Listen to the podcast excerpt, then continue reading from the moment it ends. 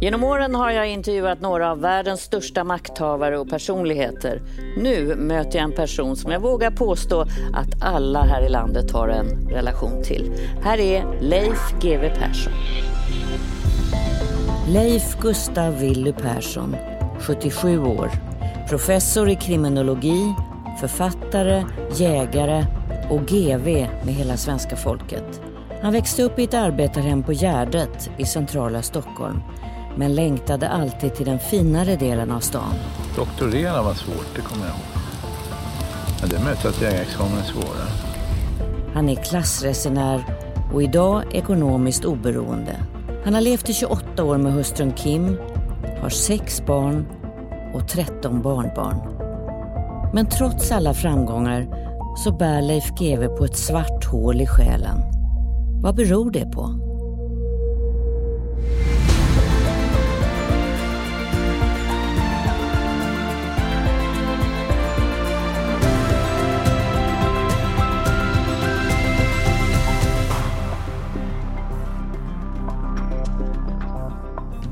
Välkommen hit. Ja, tack. Känns det bra? Ja, det är inget bra. Mm. En. Vill du lägga in, nej en, vill du lägga in en prilla innan vi börjar eller? Ja, det, ja, jag lägger in under gång. Under gång. Du, jag tänkte börja med att fråga dig, vad är den största missuppfattningen om dig tror du? Ja, det är nog fel person att fråga. Jag vet inte faktiskt, jag har inte funderat på det. Vad tror du folk tror om dig då? Ja, det verkar. Jag får ju det allmänna intrycket att folk eh, tycker ganska bra om mig. Jag brukar tillskriva det hög ålder. Det är lättare att försona sig med gamla människor på något sätt. För det har ökat med år? Man behöver inte dras med dem så länge. Eh, vad jag har tänkt på när jag har förberett mig för det här och funderat över dig. Vi har känt varandra väldigt länge. Mm, 43 år, ja. ja. Mm. Och då, då funderade jag på du har, gjort, du har gått från eh, den, du har gjort den här klassresan, gått från den här arbetargrabben som du har beskrivit så bra i boken eh, Gustavs grabb. Mm. Som ju eh, nytrycktes för inte så länge sedan. Um, och där ser man ju hur den här framgångssagan som du verkligen varit från att vara professor, kriminalförfattare och, och sen har du blivit en tv-personlighet. Och så har du tjänat en jäkla massa pengar. Men ändå så är det som att det där hålet från barndomen spökar i dig. Och du pratar om det och skriver om det. Det där svarta hålet. Jo, jo, man kommer liksom inte... Det där med klassresa, den har ju ingen destination. Det är inte så att när du kliver av där du har beställt biljett dit, att du känner jag är äntligen framme. Va? Nej, nej. Utan, utan det är en resa utan slut i någon mening. Och, och, och sätta sig och åka tillbaks, det har du heller ingen lust med. Utan, utan det, det är en resa kort sagt. Men det är en ganska plågsam resa periodvis? Ja, det vill jag påstå att den är. Och, den är våldsamt överskattad. Många gör ju klassresor i motsatt riktning, men de skriver sällan några böcker om det. Vad menar du med att den är överskattad? Du har ju fått det väldigt mycket bättre materiellt än dina föräldrar. Ja, jo, i den meningen ja. Mm. Men, men det där att jag skulle då att det också skulle leda till ett stort mått av inre frid, det stämde ju inte. va. Utan jag kände mig inte så komfortabel där jag var från början. Och då hade jag en idé om att när jag väl kom fram dit jag mm. ville så skulle jag må väldigt bra och ha det väldigt bra. Och så där. Och, och, och, i materiell mening så stämmer det. Jag har det ju mycket bättre än vad jag hade då. Jag lever ju på en annan planet om man så vill. Men, men jag mår ju inte mycket bättre. Hade du trott det? Ja, det trodde jag nog att det skulle komma med automatik på något sätt. Men det gjorde inte det. Och ändå är du ju så otroligt uppskattad och älskad. De till och med tatuerar din nuna på, på kroppen. Ja, det. Men det är ingenting av det här hjälper mot det där eh, svarta hålet. Det gör sig påmint hela tiden. Ja, precis. Det finns inget som hjälper mot det. Men jag tror inte alla upplever det så faktiskt. Eh, jag kan tänka mig att det finns framgångsrika klassresenärer som, som stortrivs med sin nya tillvaro. Mm. Men jag gör inte det. Men, men den här, är det en osäker kille som kliver in i en annan klass som inte riktigt känner sig ja, bekväm?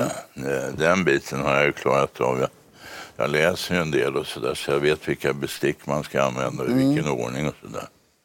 Och om vid behov så kan jag då klä ut mig. Jag allt som krävs för de olika sociala sammanhang och sådär. Men det är något annat. Va? Det, vi pratar om det som händer i ja. huvudet på mig. Mm. Vad är det då? Ja, det är att jag inte känner mig hemma. Mm. Jag har lite knepigt med sånt. Mm. Man vill ju gärna känna sig hemma också.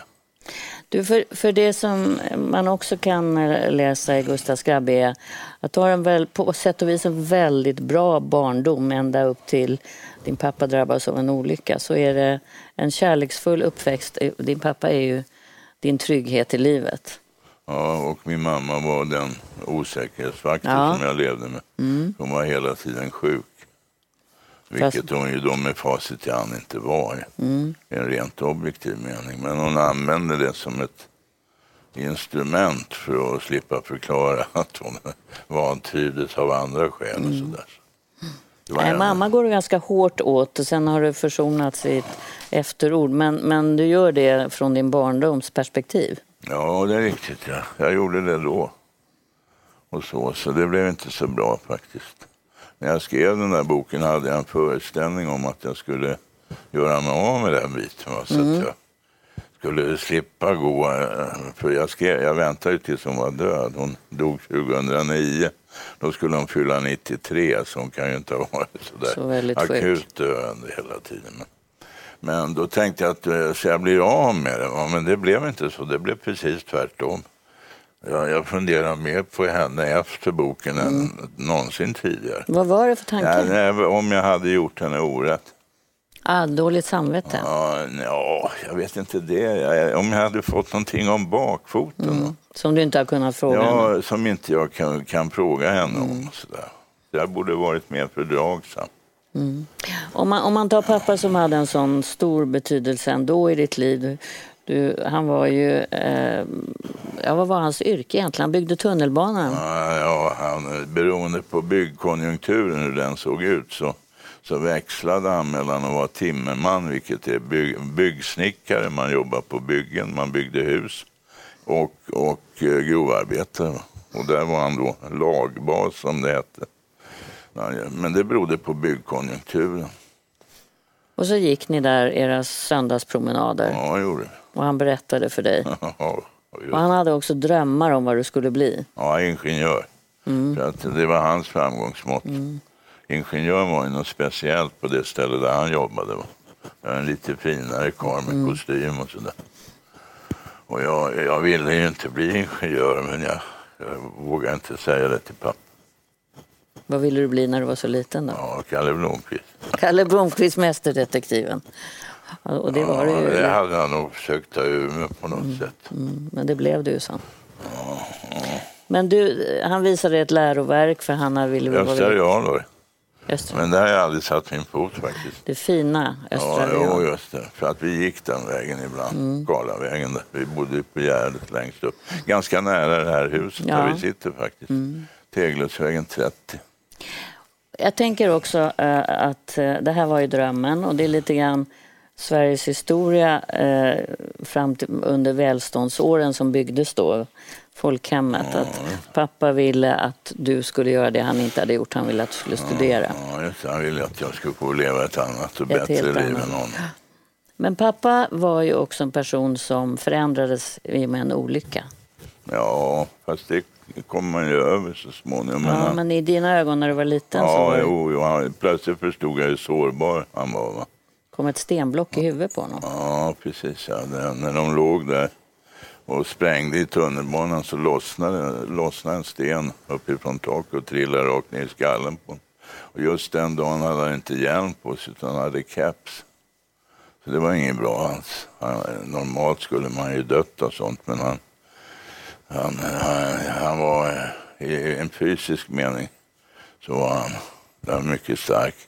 Och då var, var du tio år? När ja, tio år. För det beskriver ju du ändå som plötsligt så drogs mattan Ja, ja, ja precis. Jag insåg ju plötsligt uh, hur tunn den där tråden var. Mm. Det hade jag inte fattat, för han, han representerade ju min trygghet och nu mm. plötsligt så kanske jag inte hade någon pappa längre. Mm. Vad skulle hända då? Eh, leva med en döende mamma, ständigt mm. döende mamma. Är det här någonting som du tror eh, du har burit med dig, den här ja, ja, det är osäkerheten klart att det och rädslan? Att det har påverkat? Ja, det är klart. Mm. Ja. Nej, min pappa var jag ganska, eller vådligt förtjust i. Ja, det, det förstår man ju verkligen. Honom tänker jag på varje dag. Har du kvar den där grejen runt halsen? Ja. Vad är det? Det är hans lillfingering. Jag kan inte ha den själv för om jag sätter den på tummen så trillar den av. Men han hade den på sitt vänstra lillfinger. När han skulle bara gå bort och vara lite fin sådär, mm. den, den klackring. Mm. Det gör du så här ibland och tänker på honom? Ja. Mm. Mm. Jag vet att din syster eh, Moa har sagt i en dokumentär att, att du och mamma var mycket mer lika än vad du var lik din pappa. Status och pengar var viktigt för din mamma och det är viktigt för dig. Ja, fast då var det väl inte det ändå. Utan det är möjligen kanske en efterkonstruktion. Min syster och jag har ett utmärkt förhållande. kan bero på att vi, jag såg inte henne när jag växte upp. Hon var sju år yngre än jag. Jag flyttade hemifrån tidigt och så vidare. Så att hon fanns liksom inte med på kartan. Men är det inte så i ditt, när, du, när mamma har dött så börjar du förstå att du faktiskt liknar henne mer än vad du har velat se? Ja, det är möjligt att det är så. Mm. Hon var smart. Ja, det var hon. Och det är nog en förklaring till, att, till hennes beteende. Hon, hon tyckte inte hon var uppskattad efter mm. förtjänsten. Och så fick jag allt det där som hon tyckte borde först ha rätteligen tillkommit mm. henne.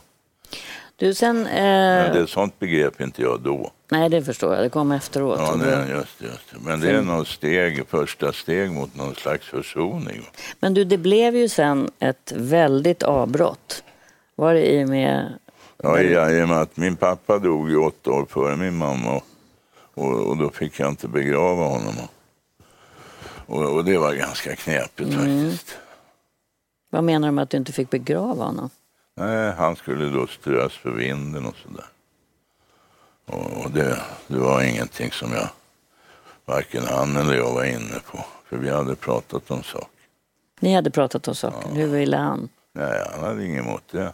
Mm. Han, sa, han sa bara åt mig att inte lägga ner för mycket pengar på det. Men då hade jag ganska gott om sådana så det hade jag nog tänkt bestämma själv. Mm, men mamma sa nej? Nej, hon ville inte det. Och det tror jag kom så av att hon ville inte att jag skulle ranta hos honom även framgent. Nu när han var död. Ungefär så tror jag. Mm, det var en svartsjuka låter det som. Ja, det var någon sån där hämnd. Betingad kanske av svartsjuka. Mm. Du, sen, sen, eh, blir du, eh, skolan har du lätt för. Ja, ja det jag tyckte om. Ja. Det var det andra struntade vi När jag kom till läroverket ja. så var det något mm. helt annat. Mm. Där plötsligt så, så träffar man ju då någon slags, även om jag inte visste vad det betydde vid den tiden kanske, intellektuellt jämbördiga lärare och sådär. Som faktiskt var, ja, de var, det var lärda personer liksom. Man hade någonting att tillföra. Inte sånt där som du redan visste själv. Ökade det här avståndet till din pappa, tänker jag, som du har kunnat eh, gå där och vandra med och prata? Att du drog iväg och hamnade i en helt annan värld som han inte kände till? Ja, det, det, det var ett problem kanske att eh, ibland uppstår ju sådana där problem när man går på gymnasiet. Och den enklaste lösningen för mina klasskamrater var ju att fråga sina föräldrar. Mm. För de var ju då eh, de var civilingenjörer och överläkare och sånt där. Så de kunde ju ge dem många svar. Men, men hemma så kunde jag aldrig få den typen av stöd och vägledning. Va? Det fanns ingen du kunde fråga. Vem frågade du då?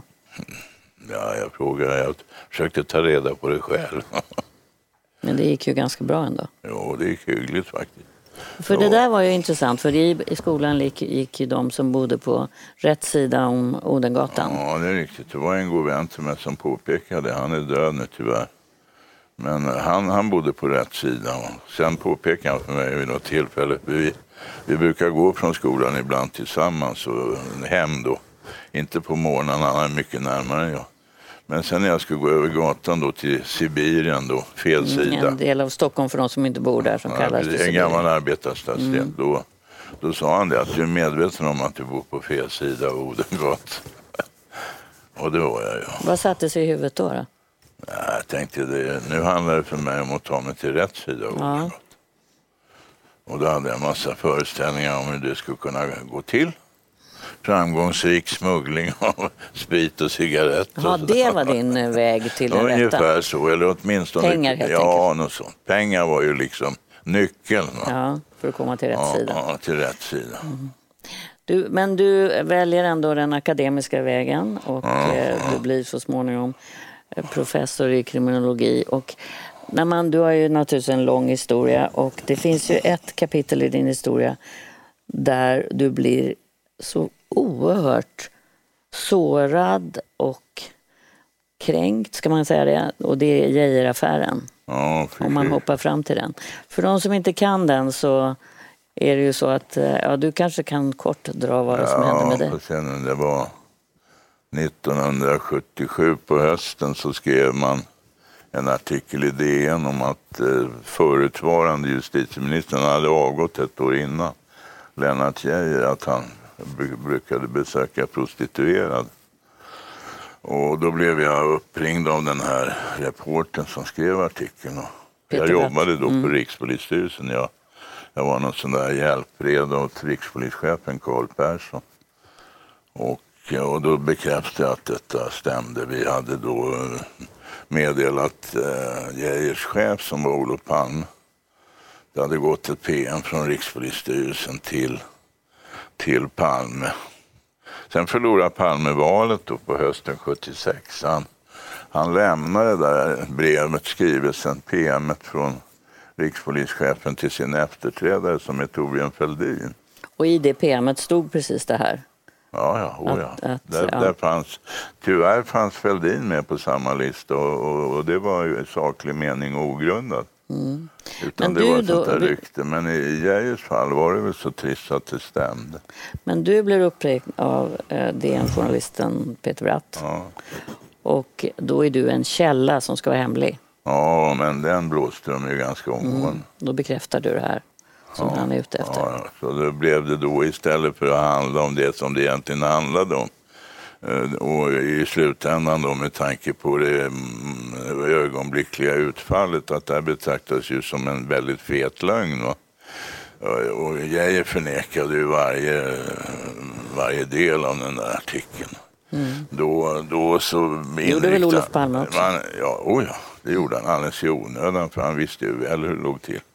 Det där var ju väldigt känt internt. Mm. Men du, då kommer det här eh, ögonblicket där Ja, du, ja, då åkte jag ju plötsligt tillbaka. då åkte du ut. Jag åkte ut på rumpan. Skylten ja. plockades ner utanför ditt arbetsrum Ja, ja, medan, eh, när jag inte var där. när du inte var där. Och så städade de mitt rum. Och, då, det här, och vad händer med dig då? För då går du sönder. Ja, det gjorde jag faktiskt. Jag, jag, till en början så upplevde jag det som kolossalt orättvist Mm. naturligtvis. Att jag var sviken av det, ja, DN då som hade Mm. hanterat det där på, ett sätt som väl idag hade ja, lett till chefredaktörens naturliga avgång. Mm. Så att det, nej, det var knepigt så. Du åkte ut till din eh, jaktstuga. Ja, men det, då, då har det gått ungefär 14 dagar. Men, men då var det eländigt faktiskt. Och så- Och, och jag då- och då- tyckte att nej, det hade jag inte förtjänat. Nej. Och då, då tänker du ta livet av dig. Ja, precis. Ja, men sen bangade jag ut som man säger. Mm. Ja, men det var ganska jobbigt. Men sen repade jag mig. Och- Kan du komma ihåg det där ögonblicket när du tar ut bössan i munnen och bestämmer dig för att jag ska leva istället? Vad var det som vägde över? Ja, det var så kallt kommer jag ihåg.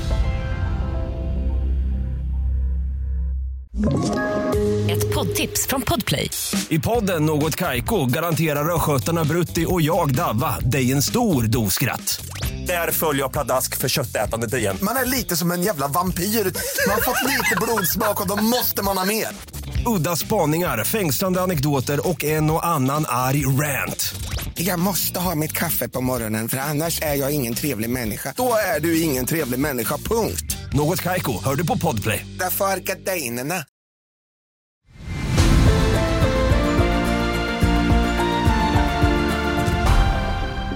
Kan du komma ihåg det där ögonblicket när du tar ut bössan ur munnen och bestämmer dig för att jag ska leva istället? Vad var det som vägde över? Ja, det var så kallt kommer jag ihåg. Det var minusgrader inomhus. Jag hade satt mig på golvet och stoppat in pipan i munnen. Och då kylde den mot gommen och då gjorde jag sådär. Ungefär så. Och så levde du vidare? Ja, ja, sen satt jag och skakade någon timme, sen åkte jag hem. Sen låg jag i sängen över, över jul och nyår. Vad är det som gör att just den här händelsen får dig att rasa eller gå sönder så mycket så att du inte vill leva längre? Jag upplevde det som djupt orättvist. Ja, det kan man ju göra. Men det är precis som man alltid... jag, jag hade verkligen inte förtjänat det. Nej. Att de sen då gör någon slags hjälte av mig 30 år senare, mannen som avslöjade och så vidare, det, det är fullkomligt ointressant. Mm. För det höll på att ta kål på mig rent bokstavligt. Och Palme han, han uttryckte sig på något möte på pressklubben.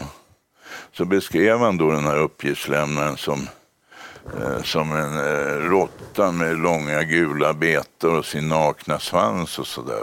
Och det, jag kände inte igen mig på den beskrivningen. Så jag var inte så glad i honom heller faktiskt. Men, men det blir ju eh, så att du bestämmer för att ta hämnd på ett annat sätt. Ja, ja, just. Just det. Och det blir din lycka får man väl säga. Vad är det du gör? Jag, jag skrev en bok om det hela. Den Mm. handlade märkligt nog om en justitieminister som gick till prostituerade och, och, vilka utpressningsliknande situationer en sån kan hamna i. Mm. Och då skrev jag, Grisfesten hette den. Och, och, och den blev en bästsäljare det året, det var 78. Men vreden får du utlopp för i den här hämndboken. Ja, ja, det var en ganska kul tid och det gick fort att skriva den. Det tog någon månad. Och sen kom den ut. Och, och sen sålde den. Den toksålde. Ja, den tog så. Då Ja, det är nog min mest sålda bok någonsin. Och vad betyder det i siffror? Ja, idag så betyder det att jag får in ett par hundratusen per år fortfarande. Fortfarande. Ja, 45 år efter Mm. det att den skrevs.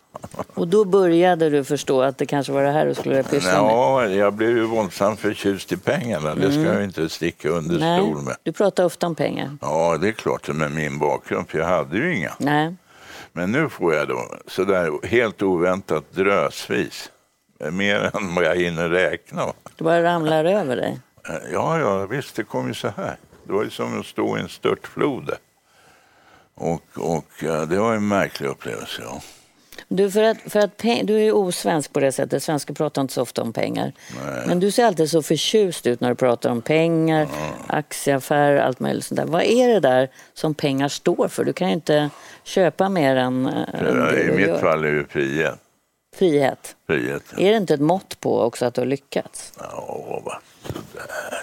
Nej, det- är frihet det är allt väsentligt handlar. Mm, okej. Att jag kan, jag kan be folk vara åt helvete eller eh, jag kan tacka nej till saker. Eh, För jag är inte beroende av den biten. Utan att min familj för den skull ska inte får mat för dagen och så. Det är väldigt praktiskt. Och där börjar ju också din författarkarriär, och, för den tar ju verkligen Ja, fart. ja, jag tänkte så här. Va? Det, och det är en återkommande tanke hos många har jag förstått att det här gick ju väldigt bra. Ja. Och vad är det som hindrar? Om det nu tar en månad att göra det här, att du rullar på det där Kalle Blomqvistandet ungefär som vanligt och sedan så avsätter du en månad per år och, Och så bara att ramlar det ner pengar. Just just. Så då gjorde jag så. Och det enda En månad, skrev du på en månad? Ja, Grisfesten tog en månad. Efterföljaren då, som jag redan hade klar i huvudet, när jag insåg hur mycket pengar jag skulle tjäna, hette Profitörerna. Även den är filmad faktiskt. Och då, den tog väl kanske också en månad eller något sånt. Så det tog en månad så fick jag en ny sån där dusch. Blir du lycklig då? Ja. Alltså för det är ju också en hämnd som ger väldig utdelning. Ja, jo, nej, jag blev nog i, i, i den meningen lycklig. För det var ju så obekant för mig va? att vara ekonomiskt oberoende. Ja, nej, jag var glad i de där. Det är jag fortfarande. Du, om man går in i ditt huvud då. Det är en jäkla orkester där inne. Låter det som. För att du sitter och skriver och du tänker på alla möjliga andra grejer också. Så du får liksom inte tyst på det där, har du sagt. Just, just. Hur får du tyst? Vad är det som ja, händer? det, då, då tar jag till alkohol. Då har du tagit till alkohol. Ja, tabletter och sånt. Ja. Och det är inte så bra. Nej. För det kommer ju surt efter. Har du dragit ner på det där? Ja, för att det du har jag höll ju gjort. på att dricka ihjäl dig får man Ja, säga. på 80-talet höll jag på att dricka igen. För då var det fortfarande så nytt. Va? Så då var det jättekul att gå på krogen sju Mm. dagar i veckan. Men nu är det inte det längre. Utan när jag går på krogen nu så är det i 99 fall av 100 i sällskap med hustrun. Och det är mycket Mm. stillsamma tillställningar. Och det händer inte så ofta heller. Så att, eh, Vad händer då med det där i huvudet? Ja, vad, det finns ju kvar där men då får jag hantera det på annat sätt. Terapi? Ja, det har jag gått till tidvis. När jag har mått riktigt uselt. Mm. Ganska länge undvek jag det för jag hade en idé om att det var omanligt. Ja, just det. Ja, ja den har jag Du hade många idéer om vad som var manligt. Ja, det var Oman- viktigt. Alltså. Det, och nu har jag förstått hur fel jag hade. Mm. Nej, jag fick verkligen hjälp av min terapeut. Du, det, det, eh, apropå manligt och eh, det här macho och allt det där, den kulturen. Jan Guillou, Ja, ja, ni var ju kompisar, ja, vi var ju det. Men är inte det längre. Ja, vi ses aldrig. Men det är inte så att jag ligger vaken för hans skull. Han har ju också klarat sig bra. Vad var det som hände? Ni var ju väldigt nära, f- som jag förstod det. Ja, det var vi. Vi Mm. tillbringade väl mer tid tillsammans med varandra under många år än med våra barn och fru. Mm. Och vad gjorde vi då? Ja, vi jagade och skrev. Jag skrev ihop, vi har skrivit en förskräcklig massa tv och ett antal Grabbarna böcker. på Fagerhult är ju en Ja, sån där klassiker. Ja, precis. Men vi har även skrivit 25 avsnitt av Anna Holt och sådär. Mm. Och den visas ju fortfarande på en sån där Var det någon händelse som gjorde att ni bara sa nej? Nej då, men eh, vi var plötsligt färdiga med varandra. Vi gled isär och sen är vi, vi är ju båda ganska förtjusta i oss själva. Va? Ja, det är ni. Ja, ja, och det kanske blir lite knepigt då. Med två som är det. Två monologer istället för en dialog. Han har sagt bland annat eh, att du skulle gärna vilja ha adeln tillbaka så du kunde bli adlad. Ja, men jag har ju kommit så nära man kan. Jag har fått Hans Majestät Konungens medalj Ja. i tolfte storlek. Det var mycket uppskattat. Mm. Visst. Men det är riktigt. Jag, jag skulle gärna vilja bli adlad. Ja. Men Vad det är, skulle- vad är det där för något? Vad är det du vill egentligen? Med det, att bli adlad? Ja, vad det ligger är i det? det, då har man ju fått ett brev på det hela. Va? Att man har lyckats? Ja, nu fick jag ju det ändå. Jag fick Med ju så nära man kan komma i Medaljen av kungen. Ja, just precis. Det uppskattar jag mycket. Du är inte som Lundell som fick det med posten och skjuter in den i en låda utan Nej, nej, eh, men han fick en betydligt mindre storlek än okej min. såklart. Jo, nej, Ulf och jag är inte särskilt lika i det avseendet, men i andra kanske vi är. Mm. Det är också en person som jag gillar, även om han säger och gör konstiga saker. Du, den här eh, tystnaden du beskriver från din barndom vid matbordet. Mm. Ni, när dina föräldrar pratade så handlade det om pengar, annars pratar de inte med varandra. Ja, fast det handlar om överlevnad. Om, Ja. om pappa skulle ha jobb nästa vecka. Mm. Men det var en tystnad ändå som du har Ja, beskrivit. det var en mycket påtaglig tystnad. Ja. Och nu lever du med stor familj får man ju säga. Där är inte Jag har så... sex barn och 13 barnbarn. ja. Och där är det inte så tyst när de alla är samlade på Nej, en nej, det är riktigt. Är det här någonting som du liksom njuter av att det blev annorlunda än hur du själv Ja, växte det upp? gör, det gör jag. Eh, i hög grad faktiskt. Ja, Senast igår så umgicks vi. Jag, jag, jag har ständig kontakt med dem. Och du pratar väldigt, du är sådär stolt när du pratar inte minst om dina döttrar. Ja, de har varit väldigt duktiga var och en på olika sätt. En som blev eh, doktorerad när hon var 26 var det va? Ja, det är riktigt. I Oxford, I Oxford. inte vid Ljuvliga. högskolan i Örebro. Och, och så är det Malin eh, Gurito som är ju känd eh, Persson som skriver bättre än vad du gör. Ja, ja alltså, vi skriver olika. Men du har sagt att hon skriver bättre än vad du Ja, gör. ja, sånt skriver de bättre än jag. Men du, det finns en sån, jag har läst en gammal bok, en antologi faktiskt, som är eh, som är där du har skrivit en text där andra kvinnor är födda, heter den. Född ja, heter den. Ja, just det. Födda, ja. Ja, Födda, berättelse om att födas heter den faktiskt. Nina Likander det som håller i Mm. redaktörskapet. Och då skriver du om när du trä- hämtade din eh, adopterade Hedda på Arlanda. Det är en väldigt fin. Får jag läsa några rader vad du skriver? Det var det minsta mänskliga liv jag hållit i mina händer. Mitt hjärta försökte trängas ut ur bröstet. Hon frågar långt senare om sin riktiga pappa och jag tänker, du föddes den första gången jag såg dig. Men det säger jag inte utan jag har alltid varit den riktiga pappa. Just det. Det blir lite rörd av den där händelsen. Ja, jag minns det där. Mm. Det var eh, väldigt starkt. En liten, hon kommer i en liten påse där. Ja. Fodrad vit Ja, nej, hon påse. var inte så stor. Nej. Alltså. Det var hon ändå några veckor när hon kom. Mm. Ja.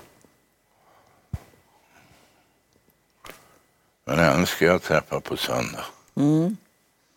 Och en, hennes äldre syster, Malin. Då är det fars dag nämligen. Och då ska de bjuda sin pappa på middag. Det är gott nog. För du har eh, nära relationer med de flesta av dina barn. Ja, det har jag. Med fem av dem. Och sen har jag en relation som är, är sårig. Så, men de andra fem har jag en stadig relation med och, och mycket, god vill jag påstå, även om det kan variera sådär i stunden. Va? Det är ju lite Norén över varje familjärt sammanhang som omfattar fler än två, eller en. En annan viktig person som jag försökte få locka eh, hit, hon gillar inte offentligheten, det är Kim, Ja, min fru. din fru. Som ju då har hängt ihop med väldigt länge. Ni var gifta i, Ja, vad blir det nu? Nu ska vi se. Det här är viktigt. 20 år. Eh, och sen har vi känt varandra ytterligare ja, 28 blir det. Hur tror du det är att leva med dig? Va? Hur tror du det är att leva med dig? Ja, enligt henne är det knepigt ibland. Men vad, vad, vad är det som är knepigt? Jag, jag är nog inte så jävla lätt att leva med. Ja. Ett poddtips från Podplay. I fallen jag aldrig glömmer djupdyker Hasse Aro i arbetet bakom några av Sveriges mest uppseendeväckande brottsutredningar. Går vi in med hemlig telefonavlyssning och, och då upplever vi att vi får en total förändring av hans beteende. Vad är det som händer nu? Vem är det som läcker? Och så säger han att jag är kriminell, jag har varit kriminell i hela mitt liv men att mörda ett barn, där går min gräns. Nya säsongen av Fallen jag aldrig glömmer på Podplay.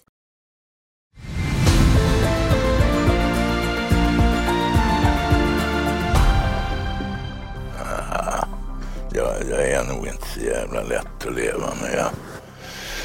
Eh, när jag blir på gott humör och sådär? Då, då, då kan jag prata oavbrutet. Men, men när jag inte är på gott humör utan när jag har någonting i huvudet som upptar mig, då kan jag tiga kanske i ja, veckor. Och då har jag ingenting att tillföra. Och, och det, blir för, det blir knepigt om man lever så nära varandra som vi Så gör. hur löser ni det då? Ja, jag vet inte hur hon löser det. Hon var ju kvar där när jag åkte hemifrån i morse. Så att Hon är nog kvar när du kommer hem jag också. hoppas det. För hon betyder väldigt mycket för dig. Ja, det vill jag påstå, ja. Det vill jag påstå. Du, det är som, eh, du har ju väl inte den här monologen och hela det här du beskriver att du lite behöver gå undan och tänka och sådär. Hur var du då som pappa? Var du en frånvarande? Ja, ja, ja, men eh, det var i den meningen att jag jobbade ju hela tiden. Men det var inte så att jag tyckte illa om mina barn. Eller så där, utan eh, när jag var på gott humör då var det ju hejsan svejsan och trevligt värre. Va? Men, men mestadels så var jag ju då någon annanstans, i, åtminstone i huvudet. Va? Och, och så. Och det, det påverkade dem De hade säkert. bra mammor kan man säga. Ja, ja det, det, det tycker jag nog att de hade. Ja. I den meningen att de var sådana där som var nära dem rent. Men, men eh, Hur löste jag det? Ja, genom att ge dem allt som de pekade på. De har sagt att de gillar det som pappa ändå. Ja, ja och jag frågar dem faktiskt. Och, och de, ser, de gör ett ärligt intryck när, när de säger. Och sen vimlar det av barnbarn. Ja, just det. Det är 13 nu, ja. Och den yngsta är, nu ska vi se, hon är ett och ett halvt år. Henne träffade jag igår. Det är en mycket robust liten dam. Och den äldsta eh, är eh, 30. Vilket spann. Ja, just precis. Ja, det- ja det, det är ganska fantastiskt. Och, och de vill jag påstå att där har jag god kontakt med alla. Du, vi befinner oss eh, i en tid nu med att eh, den nya regeringen säger att det kommer att bli ett paradigmskifte. De har redan under valrörelsen utlovat eh, väldigt mycket som de nu säger att det kanske måste skjutas på framtiden. Men om man tittar på ditt område, Ja, det, ja där är ju ett, men där har ju redan paradigmskiftet har ju in, inletts. Och, med förra regeringen. ja, det vill jag påstå. Och vad skulle du säga att det är då? Ja, det är ju att man plötsligt så flyttar man fram den här det, här, kriminalpolitik är ju alltid en balansgång mellan individens frihet och, och skyddet för individen. Va? Det är ena sidan rättssäkerhetsaspekter och å andra sidan det som vi kallar för rättsskydd. Nämligen att, att när man sätter in de där åtgärderna som begränsar folks rättssäkerhet som anonym avlyssning och, och anonyma vittnen och, och sådana där saker. Och, eh, områden där du inte får uppehålla och visitationszoner. Då, då, begränsar man ju då begränsar man rättssäkerheten för många. Och avsikten med att göra det är ju då att du ska minska risken för att de övriga utsätts för brott. va? Mm. Om du var justitieminister då, nu blev det ju inte det. Men, nej, men det intressanta med Strömmer som ju verkar vara en jovialisk karl och som jag har förstått är ganska allmänt uppskattad. den nya justitieministern. Ja, just det, Gunnar Strömmer. Ja. Han, han, han startade någonting som heter eh, Centrum för rättvisa. Va? Och, och det är en sån där rättssäkerhetsorganisation. Och möjligt är att han kommer att gå till den kriminalpolitiska historien som den man som inskränkte rättssäkerheten mest i svensk historia. Och vilken åtgärd menar du att det skulle vara då? Ja, det är alla de här som vi diskuterar just nu och som Anonyma kommer att bli en re- realitet. Ja. Ja, ja, att du får göra husrannsakan utan brottsmisstanke och sånt där. Ja, ja, för att de har ju någon föreställning om att det kommer i vart fall inte drabba sådana som mig. Men det vet vi ju inte. va. Det beror väl alldeles på vilka som håller i skaftet. Om du nu hade, om du säger att du leker med tanken att du var, för det är lätt att sitta på bänken och tycka. Ja, ja, Som du gör nu. Ja, jag vill inte påstå att den beskrivningen är riktigt korrekt. Jag har nog suttit, och inte kanske på bänken utan mera i serveringsrummet. Ja, men det har du ju gjort. Men du har ju inte haft den politiska Nej, nej makten. inte det politiska ansvaret. Om du hade det politiska ansvaret Mm. Och dessa skjutningar som nu bara, eh, jag menar, vi är snart uppe i, vi är uppe i drygt 50 skjutningar. Ja, vad- vad- när, närmare ett 60-tal. En 50-procentig ökning jämfört med föregående år. Och de här åtgärderna som vi pratar om, de har förekommit Mm. under många år nu och de har inte gett någon effekt. Så Punkt. vad skulle du eh, tro att det är effekt, den bästa Ja, åtgärderna är? Inkapacitering tror jag fortfarande på, även om effekten av inkapacitering, alltså att man låser in folk. Sitter de i finkan kan de inte begå det brott har ju den finkan. förra regeringen gjort och Ja, det ja, det har man göra. gjort eh, och, och det avser man att öka på. Ja, och det är bra, tycker du? Anstaltssystemet exploderar. Ja. Om anstalter vore börsnoterade så är det aktien du ska köpa. Va? Den kommer att ha en gigantisk Men är det lösningen att låsa Nej, in? men det, det ger ändå en viss effekt. Va? En viss effekt. Avskräckande effekt. Ja, inte avskräckande tror jag, men det ger en inkapaciteringseffekt. Åker de in på livstid så kommer de att sitta åtminstone i 20 år. Va? Och, då, Mm. Och då är det sagt att nu då begränsar deras möjligheter att skjuta folk utan. Och så kommer det nya. Så kommer nya, ja. Och det var det att vi, under, vi överskattade inkapaciteringseffekten. Ja, inte jag. Det- Jag var nog klar över hur, hur, uttunnad den var, va? men jag vill ändå ha den kvar. Och sen kommer vi till allt det där andra som handlar om att minska segregation och sådär. För det är en etnisk problematik i detta. Va? Det, det, det, här är inte liksom Banans kriminalitet utan det är invandrare och flyktingar som står för 95 procent av den. Va? Och det är de som till 95 procent drabbas. Och vad, är, vad, vad, tror du? Det är ju ingen som ja, riktigt förstår vad det beror på. Vår, vår politik, alltså samhällspolitik i den meningen, den verkar ha gått förlorad tidigt. Och, ja, det måste rättas till på något sätt så att segregationen minskar. Tidigare åtgärder, större jämlikhet eller vad är ja, menar? Ja, eh, eller ibland tror jag till och med att man kan bygga bort den. Ja, bygga Som bort den rent rumsligt, ja. Faktiskt. Är du orolig för utvecklingen? Nej, jag är inte så orolig för utvecklingen. Eh, det här är ingenting som gör att eh, nationen kommer att gå under eller ens gå ner på knä. För det är ett så riktat problem. Men, väldigt... men de, som, de som berörs av det och som inte har med saken att göra, vilket ändå är sådär 30 till 50 gånger fler än de som är involverade i verksamheten, eh, de riskerar att få ett helvete utan egen förskyllan och det stör mig kraftigt. Va? Mm. De som lever hedliga liv ute i... De som lever hedliga liv, vilket nästan alla invandrare och flyktingar faktiskt gör. Mm. Eh, de går till jobbet på morgonen precis som alla andra. De betalar sin skatt och så vidare. De vill bara leva i lugn och ro. Du, om eh, eh, vi avslutar med eh, eh, din tro, tänkte jag. För att du är ju en troende person. Du ber din aftonbön och du eh, tänker på att det måste ändå finnas ett liv efter det här? Ja, I och med att jag fri att välja. Du är fri att välja? Ja, alternativet är någon slags den eviga sömnen där du inte ens vet om att du sover. Som ett ljus som har slocknat. Så pappa Gustav, var finns han idag då? Han har packat alla sina verktyg skriver du. Tagit med sig alla hammare och sågar och mm. måttstockar. Och... och snart träffas vi. Snart träffas vi. Det är en bra tanke. I och med att jag är fri att välja. Mm. Jag är fri att välja. Och, och, och vad menar du med det att fri och välja om du tror? Tro, hur kan man tro på något sånt? Ja, de, de som tror starkast är de tror på motsatsen. För att den är ju lika obevisad som det jag har valt att tro på. Jag, jag har valt att tro på det trevliga alternativet. Mm. Ska det vara så svårt att fatta? Jag, nej, jag tycker att bevisbördan åvilar de som hävdar motsatsen. Men du, eh... Självplågeri i extrem form. För du, du, du pratar om att din pappa han har grejer han kan ta med sig och göra nytta. Ja, Men vad ska jag ta med mig? Ja, Böckerna? Precis. Nej, ja. Behovet av en Kalle Blomqvist i en stad ovan molnen, den är förhoppningsvis väldigt låg. Helst obefintlig. Va?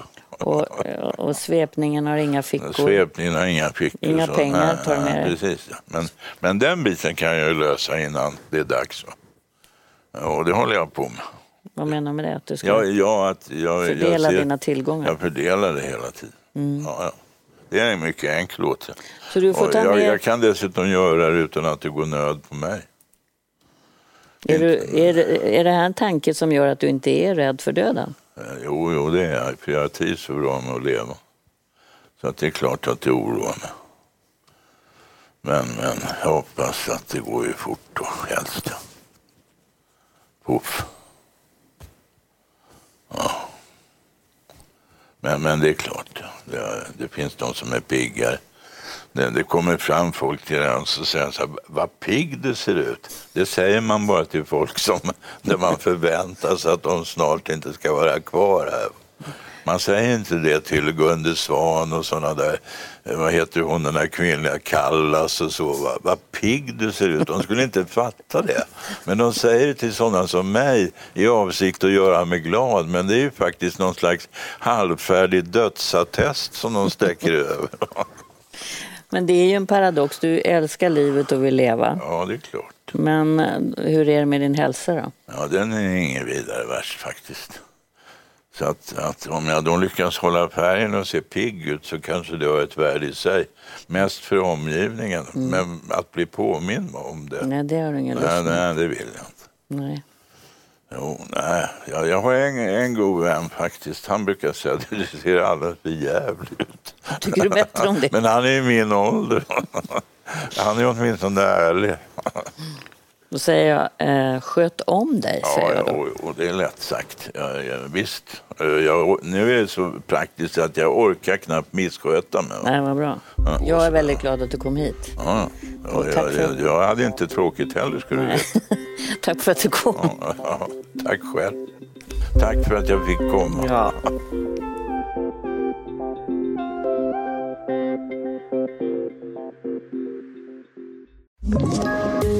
Poddtips från Podplay. I podden Något Kaiko garanterar östgötarna Brutti och jag, Davva, dig en stor dos skratt. Där följer jag pladask för köttätandet igen. Man är lite som en jävla vampyr. Man har fått lite blodsmak och då måste man ha mer. Udda spaningar, fängslande anekdoter och en och annan arg rant. Jag måste ha mitt kaffe på morgonen för annars är jag ingen trevlig människa. Då är du ingen trevlig människa, punkt. Något Kaiko, hör du på Podplay. Därför arkadeinerna.